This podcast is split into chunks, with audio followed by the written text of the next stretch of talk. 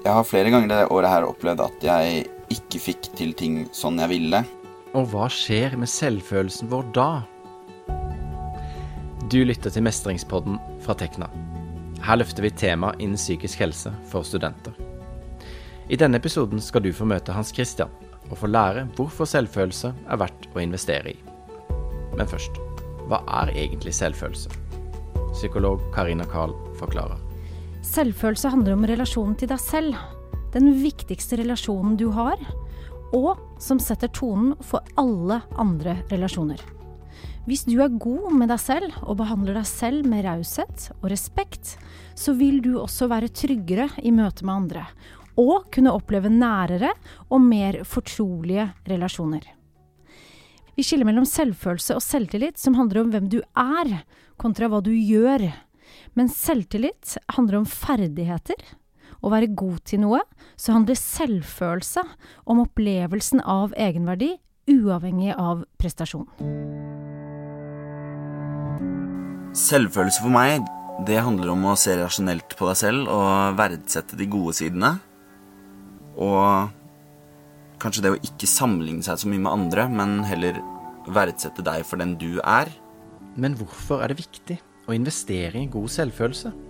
Uavhengig av om du ønsker å prestere på jobb, om relasjoner er det viktigste for deg, eller om du har et ønske om å leve et stille og tilbaketrukket liv for deg selv, så er selvfølelse det beste utgangspunktet fordi det handler om måten du behandler deg selv. Vi har etablert at selvfølelse er viktig. Men hva er det beste og verste vi kan gjøre for selvfølelsen vår? La oss begynne med det verste og fortelle oss selv at vi ikke har noe verdi eller er gode nok om vi ikke presterer. Eksempelvis at man ikke er flink på skolen eller i jobbsituasjon eller i en annen ferdighet eller sammenheng, så betyr det at man ikke er flink til noe. Jeg er i utgangspunktet ikke så veldig flink til å belønne meg selv om jeg har gjort noe riktig. Eh, jeg er heller flink på å ta meg selv litt i nakken hvis jeg føler jeg har eh, gjort noe galt. Det hjelper ikke å behandle oss selv med straff. Straffen kan opptre som tanker og som handling. Eksempelvis er det mulig å være så ubrukelig, en tanke, eller å straffe deg selv med å trene ekstra hardt for å fortjene å slappe av etterpå, som en handling. En form for belønning jeg gir meg selv, er jo at jeg tillater meg selv å være sosial på kveldene mot at jeg jobber på dagtid.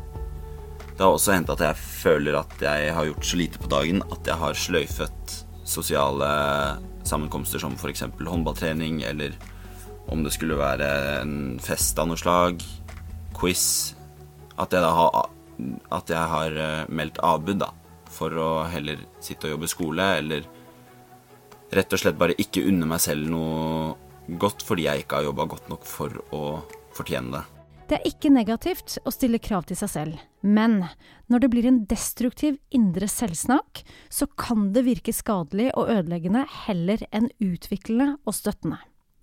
Hvis det du gjør aldri er bra nok, hvordan virker det på deg? Presterer du egentlig bedre da? Men noen ganger gjør vi jo faktiske feil. Det kan hende vi leser for lite til eksamen, eller at vi undersluntrer på andre ting. Se feil som en kilde til læring heller enn fiasko. Og husk at hjernen ikke klarer å skille mellom det du sier til deg selv, og det andre mennesker sier til deg. Den kan, med andre ord, forveksle dine dårlige tanker om deg selv med sannheten. Da har vi oppsummert hva som er det verste vi kan gjøre for selvfølelsen vår. Så til noe kanskje enda viktigere. Hva er det beste vi kan gjøre for en god selvfølelse? Snakke oppløftende til oss selv, som om vi er vår egen investor, eller vår egen beste venn. Min beste egenskap som menneske, det tror jeg må være at jeg både er veldig ivaretagende, og at jeg er veldig imøtekommende. Jeg er alltid interessert i å bli kjent med nye mennesker, og jeg bryr meg veldig mye om de jeg har i livet, hvordan de har det. Jeg tror nok at mine nærmeste hadde trukket fram at jeg er omsorgsfull som min beste egenskap. Du har kanskje sett eller hørt at folk snakker støttende til seg selv i speilet. Og kanskje har du lurt på om det er noe poeng, eller om det faktisk virker. Carl mener ja. Forestill deg at en annen person sa noe fint til deg. Hva får det deg til å føle? Og hva hvis du selv kunne være den stemmen? Alle møter motgang. Alle gjør vi feil. Og hva hvis du hadde en indre stemme som fortalte deg at du er bra? Jeg heier på deg, ikke gi deg. Som oppfordret deg til å være den du ønsker å være, og som tok deg på alvor. Dette høres kanskje banalt ut, men Carl er opptatt av hvordan vi kan støtte oss selv på best mulig vis. Jeg oppfordrer deg til å reflektere over hvordan du best mulig kan støtte deg selv i enhver situasjon og relasjon. Kan du tenke tilbake på en situasjon som du syns var utfordrende og vanskelig? Hva sa du til deg selv? Hva gjorde du for deg selv? Hva trengte du? Husk, du kan alltid spørre deg selv hva trenger jeg nå? Uh, tidligere har jeg uh, hatt en ganske sånn stakkarsliggjører inni meg som har uh, vært veldig opptatt av at det har vært synd på meg uansett hvilken fase av livet jeg har vært i. Vær oppmerksom på at selvomsorg og selvmedlidenhet ikke er det samme. Hvis en helg på sofaen med masse sukker virker godt for deg, også på lang sikt, så kan det være konstruktivt, men det er ikke sikkert at det er løsningen hver gang. Hva forteller du deg selv når du ligger på sofaen og spiser sjokolade en hel helg fordi du syns synd på deg selv? Tenker du eksempel at du ikke får til livet, og bare kan bli liggende på sofaen på ubestemt tid, skjule deg for verden og gi opp?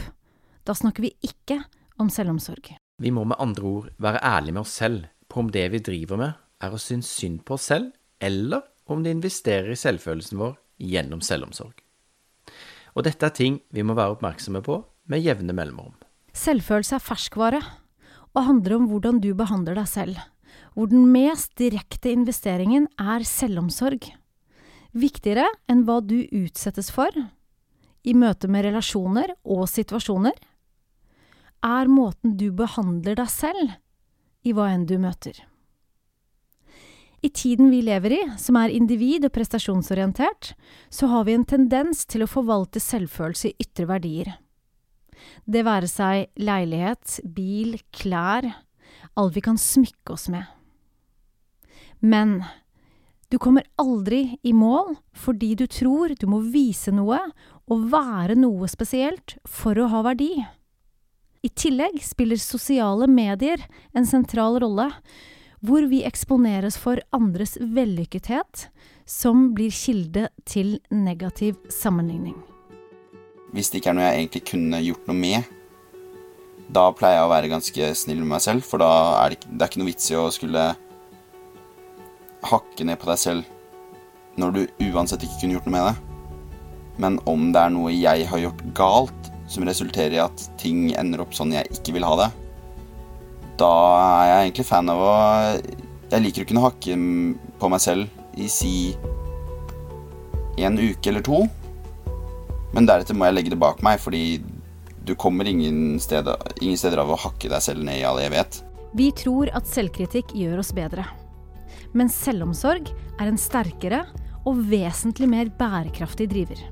Dette er også understøttet av forskning. For å prestere må du være trygg. Hvis du forteller deg selv hvor dum du er, vil hjernen din respondere på din indre dialog og bli utrygg og potensielt mer opptatt av å unngå å gjøre feil enn å utvikle, lære, tørre, som også er avgjørende for å kunne prestere. Du kan prestere bra med selvkritikk, men bedre med selvomsorg. Derfor er selvfølelse viktig. Ikke bare for å ha det godt, men også for å være god.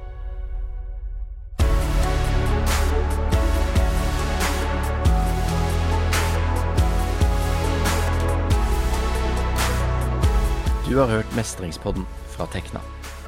Hvis du studerer naturvitenskap eller teknologi og planlegger å ta en master, kan du bli Tekna-medlem.